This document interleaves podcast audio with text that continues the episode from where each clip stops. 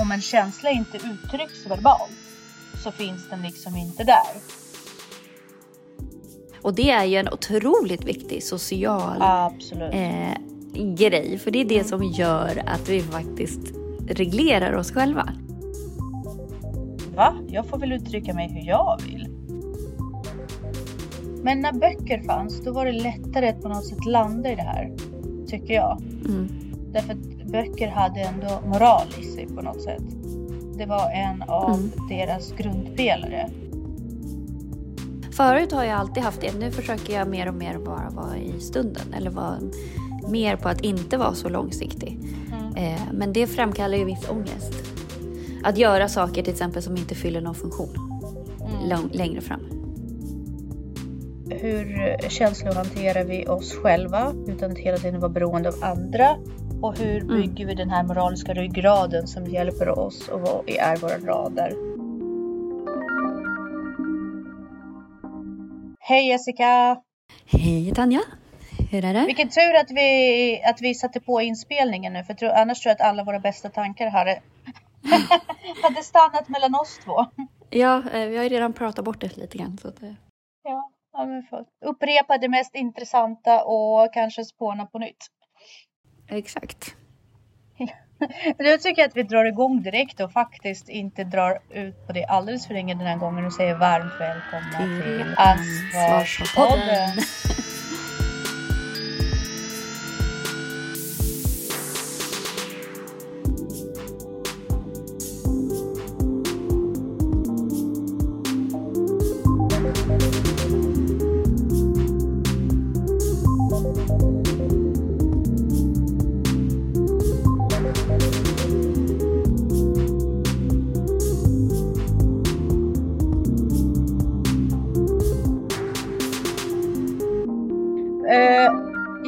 Satt och lyssnade på Stolthet och fördom därför att jag har gått in i någon form av klassisk engelsk litteraturera i mitt huvud. Jag tror att det har med hösten och ja. Eh, dunklet att göra. Och det faktum att jag bor på landet. Mm. Många av de bö böcker utspelar sig faktiskt på landet. Så jag, någonstans har jag börjat känna igen mig en så engelsk dam på 1700-talet. Jag vet inte varför. Det är nog bara, det är nog bara så jag vill se mig. Men det jag kom ja. att tänka på är att i böcker, då fick man ofta mm. höra vad människor tänkte. I film och sociala medier hör man bara hur folk, mm. folk pratar om saker. Så de berättar och delar med sig, vill ha åsikter etc. etc. Men förut i underhållningssyfte och inte bara, böcker är inte bara underhållning, det är ett sätt att eh, se världen också och lära sig om världen. Men då fick man också höra att folk gick mm. igenom tankeprocesser i sig själva som de inte alltid delade med sig av. Mm. Min fråga... Ja, men det är därför böcker är ju ja. bättre än filmer. Ja. Alltså, boken är alltid bättre än filmen för du får mer information. Precis. Och där tänker jag, är det någonting som förändrar vårt sätt att se, kommunicera och känna uh, till... Det tror jag absolut. Mm. Alltså det, har ju otro, det, det påverkar den sociala kompetensen jätte, mm. jättemycket. För det ser man ju. Alltså det är ju så du lär dig. Det var ju det vi pratade om förra gången också. Det är ju så du lär dig att relatera till mm. känslor. Eller lär dig att sätta ord på dina känslor. Det är ju att ta del av någon annan som redan mm. gör det. Eller någon som liksom känner någonting annat. Det ökar ju ödmjukheten och det ökar ju empatin. Att du faktiskt tar del av andra människors lidande eller tankar eller så. Men sen också när du själv känner Alltså det ger ju erfarenheter utan att du har behövt uppleva dem själv. Ja. Så att när du kanske kommer dit en dag så mm. vet du. På samma sätt som så här, när jag fick kristallsjukan, jag visste exakt att det var kristallsjukan mm. fast jag hade inte eh, jag har aldrig haft den, men jag har ju hört andra prata ja. om den. Eller om du har ångest till exempel. Mm. Ja, men har du tagit del av hundra låtar där man uttrycker ångest på olika sätt eller så, då, då kan du liksom få tröst mm. i det på något vis. Och du kan säga, okej, okay, det här är ångest, men eh, de här personerna har ju överlevt och till och med gjort väldigt bra låtar om Precis. det. Att, eller till exempel, eh, se ur andras mm. perspektiv. Mm. Jag läste en bok nu som eh, kretsade mycket kring en man som var liksom ja, men lite notorisk i, i att ha relationer med folk och, och sådär. Man sa, men okej. Men ändå så här, spännande att se från hans mm. perspektiv mm. att så här, saker är inte alltid vad de verkar. Nej. Uh... Och, och det är klart att är du utan den dimensionen, det är klart att du blir mycket grundare. Ja, dels grundare, dels att du hela tiden, jag tror att där är en del i det här uh, bekräftelsesökande. Därför att uh, jag tänker om du ser även på tv att folk alltid diskuterar sina problem. Då anammar du det mm. sättet att känsloreglera även för din egen del. Till exempel att, att tonåringar eller barn då tittar och säger så här, ja ah, men nu har jag ett problem och så diskuterar man med andra hela tiden. Eh, gentemot att ha den här modellen där du behöver inte prata om allting. Du kan tänka ut en lösning själv. Du behöver inte få den här bekräftelseformen. Därför det fick man mer av böcker därför att där kunde man få den modellen. Så här, den personen tänkte och tänkte och sen så var det över liksom. Det ser man ju inte. Man kan inte se tankeprocessen. Utan då är man hela tiden, det, det man matas med det är att man hela tiden behöver andras bekräftelsebehov, input och så vidare och så vidare. Med kompisar och lägga ut saker på sociala medier. Och på något sätt om andra inte ser det så är det inte sant. Därför det är så världen ser ut för oss idag med media. Och även i mm. serier till exempel. Ja, de uttrycker sin kärlek hela tiden verbalt. Eh, eller känslor verbalt. Det är som, lite grann som att om, om en känsla inte uttrycks verbalt så finns den liksom inte där.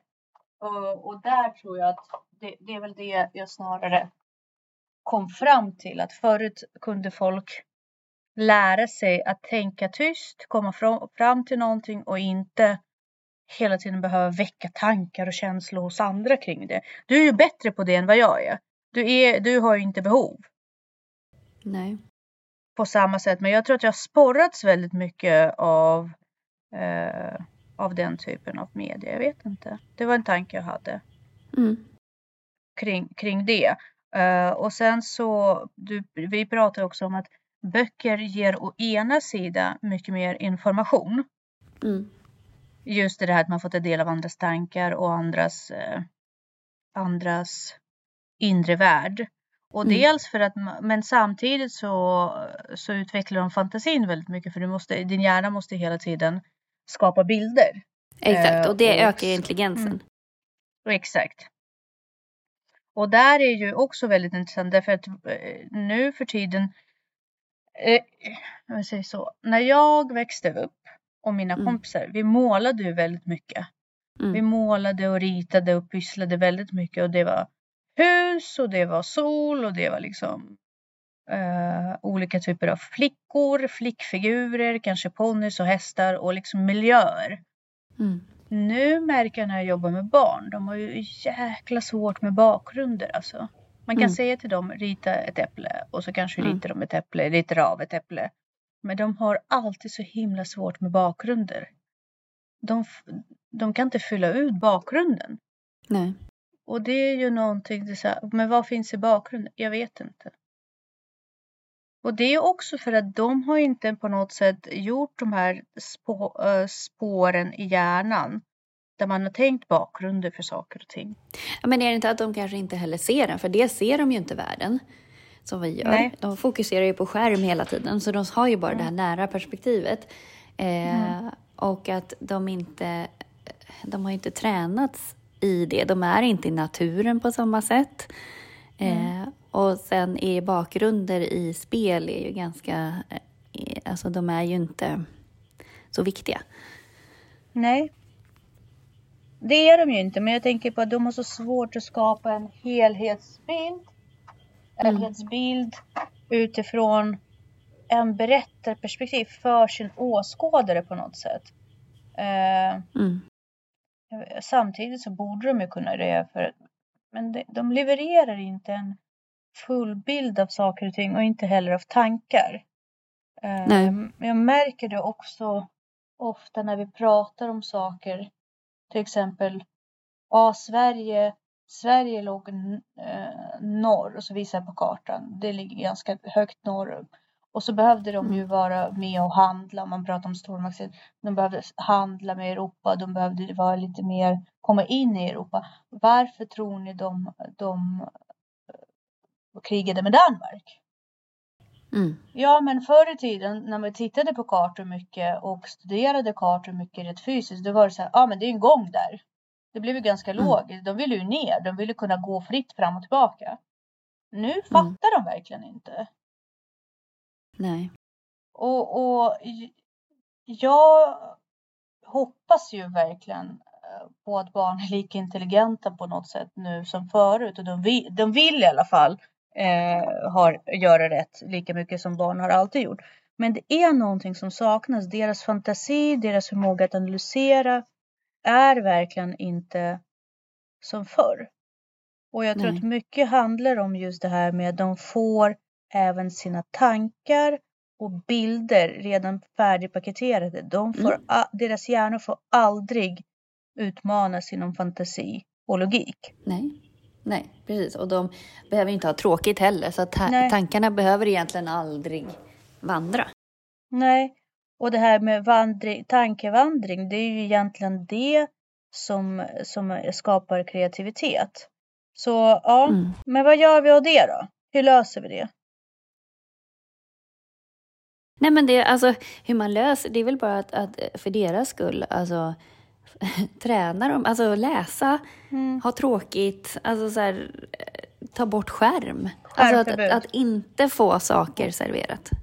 Skärmförbud. Jag tror faktiskt utifrån de, den forskningen som vi har idag och som vi ser både utifrån psykisk ohälsa och vad skärmar gör och den här bristen på kreativitet många gånger. Äh, ångest och oförmåga mm. att socialisera det, jag tror att det kommer leda till att barn kommer inte, det kommer vara förbjudet för barn att använda skärmar. Jag tror inte att smarttelefoner kommer vara, jag tror det är någonting som vi kommer återigen införa väldigt stora restriktioner kring i framtiden. Jag, jag tror på det. Jag skulle i alla fall verkligen uppmana uh, folk att börja mm. tänka i de banor.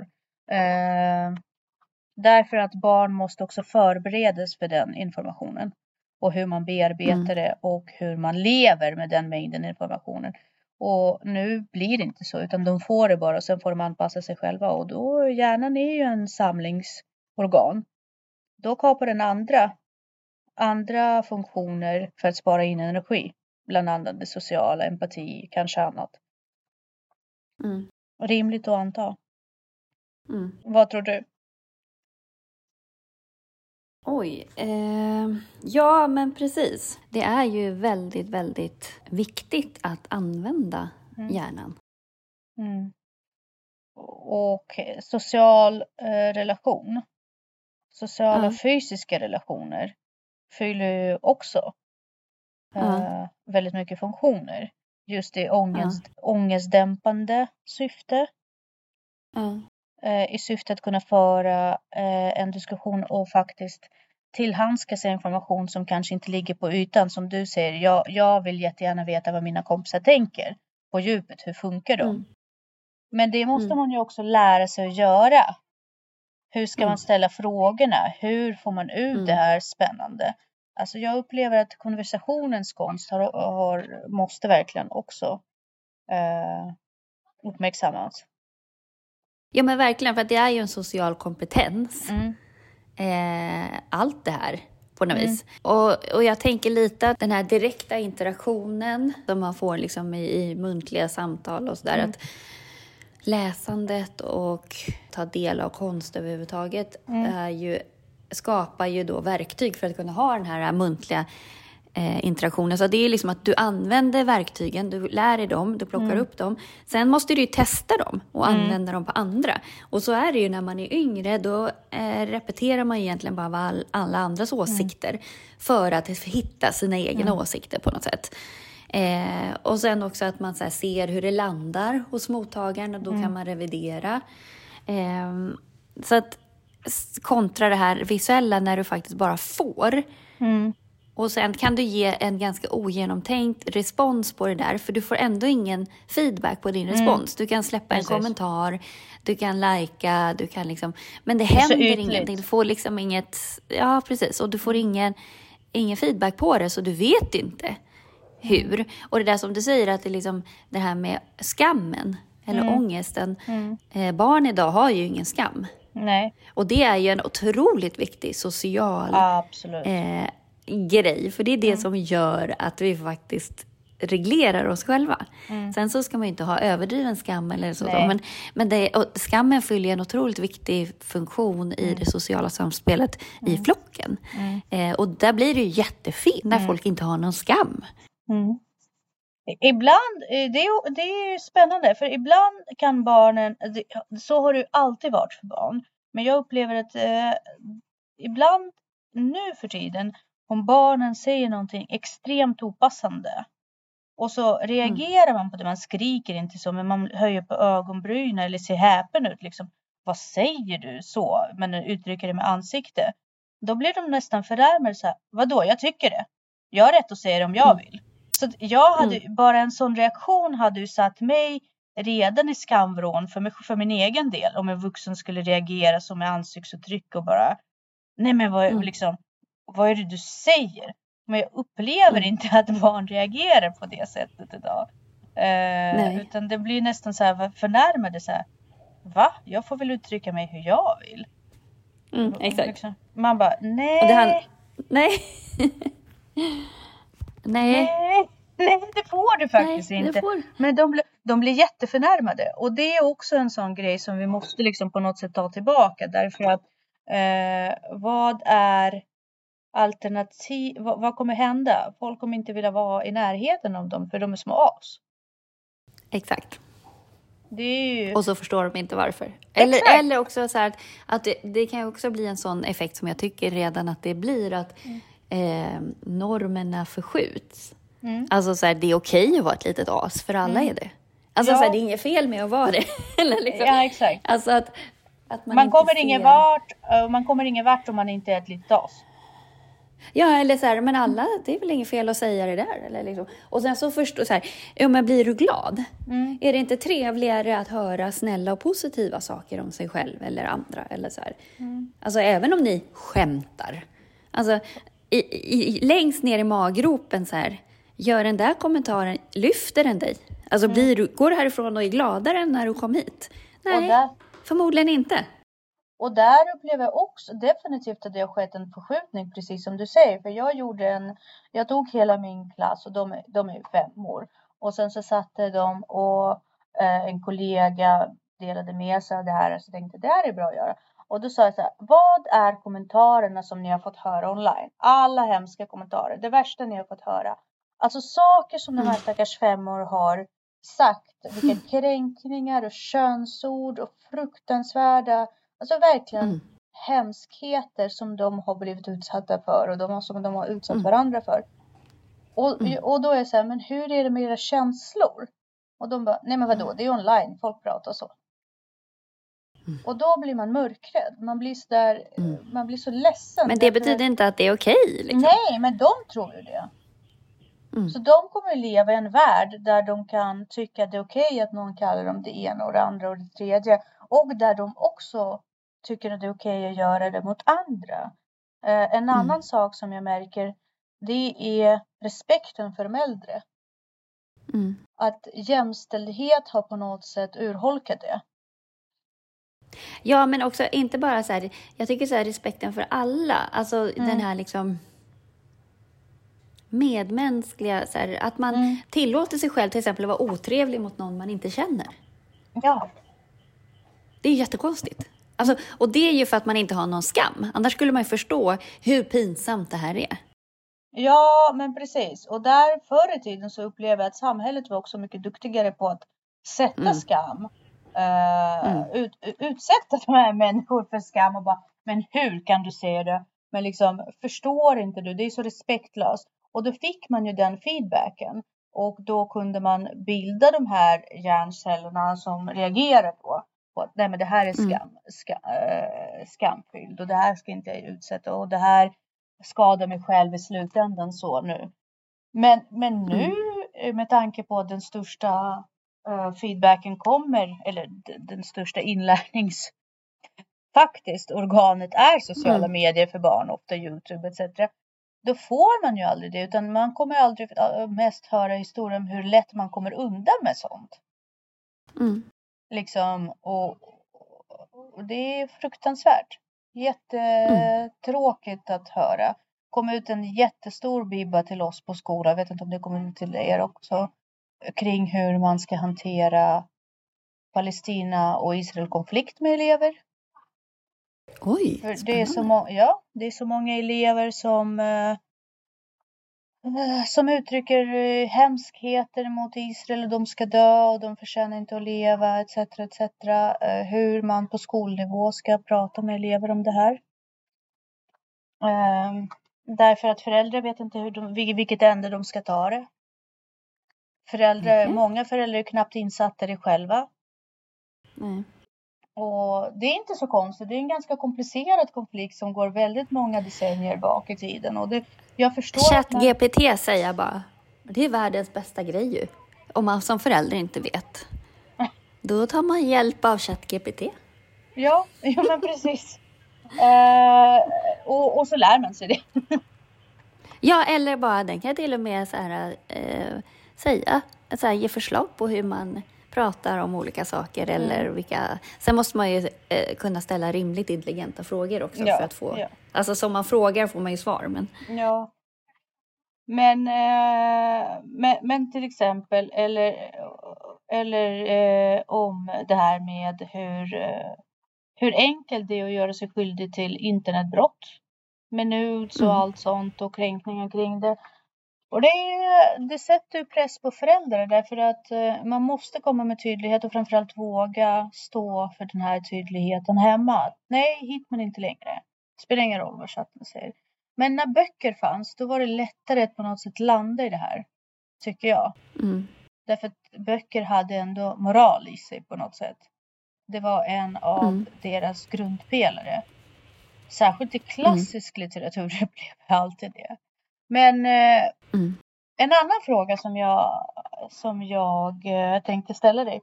Du har ju, vi pratade om stoiker med dig eh, för många år sedan. Mm. Och du håller väldigt på de värderingar liksom. Mm. Stoiska värderingar och försöker leva upp till dem och så. Och eh, jag upplever också någonstans att med åldern så börjar jag förstå. Det är det enda som håller rent mentalt. Alltså de mm. värderingarna mm. där man hela tiden försöker vara bättre och för sin egen skull, inte för någon annans, inte för att visa upp det. Utan för att eh, stå, själv stå rak i ryggen liksom. Att inte tjafsa tillbaka, att inte att inte sänka sig till en standard som man själv inte kan stå för. Uh, tycker mm. du att det alltid lönar sig för dig? Att vara stoisk? Ja. Nej, verkligen inte. Men vad är incitamentet? Eh, ja, alltså rädsla väl också, eller? Rädsla? Att vara stoisk? Ja. I, att inte, vad som Nej, skulle hända om du inte var stoisk? Ja, precis. Eh, men hur hanterar du kortsiktiga känslor och tankar? Har du alltid långsiktig, långsiktighet framför dig? Jag har försökt. Jag försöker inte ha det nu. Alltså, eller jag har, förut har jag alltid haft det. Nu försöker jag mer och mer bara vara i stunden. Eller vara mer på att inte vara så långsiktig. Mm. Eh, men det framkallar ju viss ångest. Att göra saker till exempel som inte fyller någon funktion mm. lång, längre fram. Det är så intressant för jag upplever att min, min eh, om vi pratar om marshmallow-test, du är inne på, på att äta på att ha skaffat tio marshmallows i allting du gör. Jag är inne mm. på att så här, äta upp min marshmallow innan man hann berätta för mig vad som gäller. så någonstans kommer ju du och jag eh, eh, förhoppningsvis mötas på fem marshmallows sen när vi, när vi har blivit eh, mm. tillräckligt gamla. För du har börjat, eh, då har du slappnat av lite bara okej, okay, jag kan för mig lite nu. Och jag har lärt mig lite långsiktighet i allting. Ja.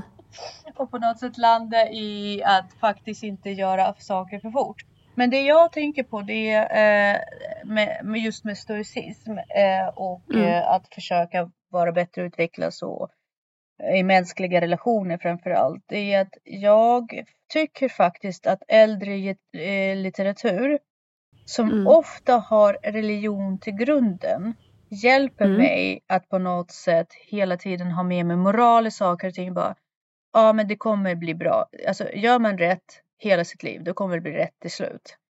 Eh, mm. Svårare nu när religion inte är lika utbredd och jag är inte en religiös människa. Men jag tycker att äldre litteratur är verkligen någonting mm. som hjälper mig med det.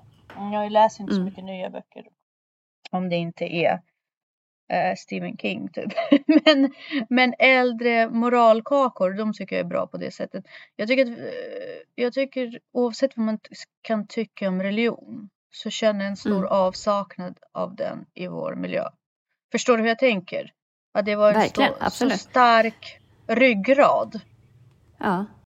Uh, det var så mycket enklare att göra rätt för att det var skrivet vad rätt var.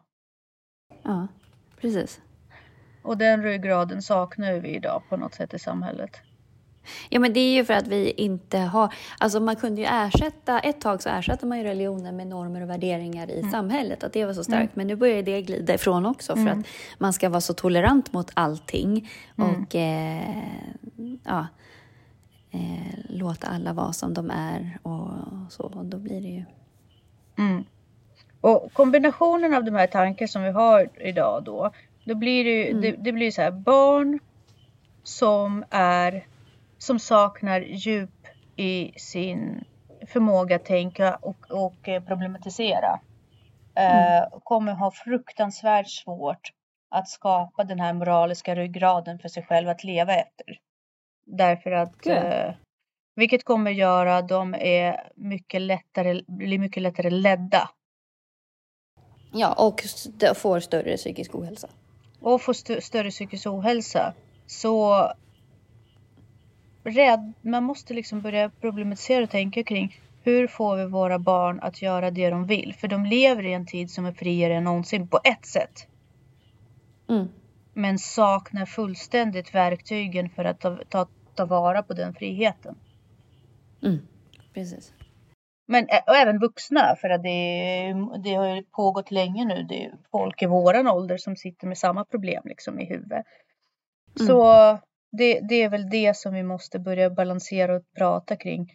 Hur, mm. eh, hur känslohanterar vi oss själva utan att hela tiden vara beroende av andra? Och hur mm. bygger vi den här moraliska ryggraden som hjälper oss och är våra rader? Mm. Litteratur, litteratur är ju en sån sak till exempel. Men, men, ja. ja. Nej men verkligen. Och det är väl ett, är verkligen någonting att lyfta. Mm. Det... Och jag tycker att Sverige, vi har ju duktiga läsare i Sverige så det är bra. Mm. Ja. Precis. Ja, slå ett slag för läsandet. Ja, det blev ju så till slut. Jag undrade ja. vad den här diskussionen skulle sluta med, men ungefär där idag. Perfekt. Vi säger tack och hej för denna vecka. tack och hej.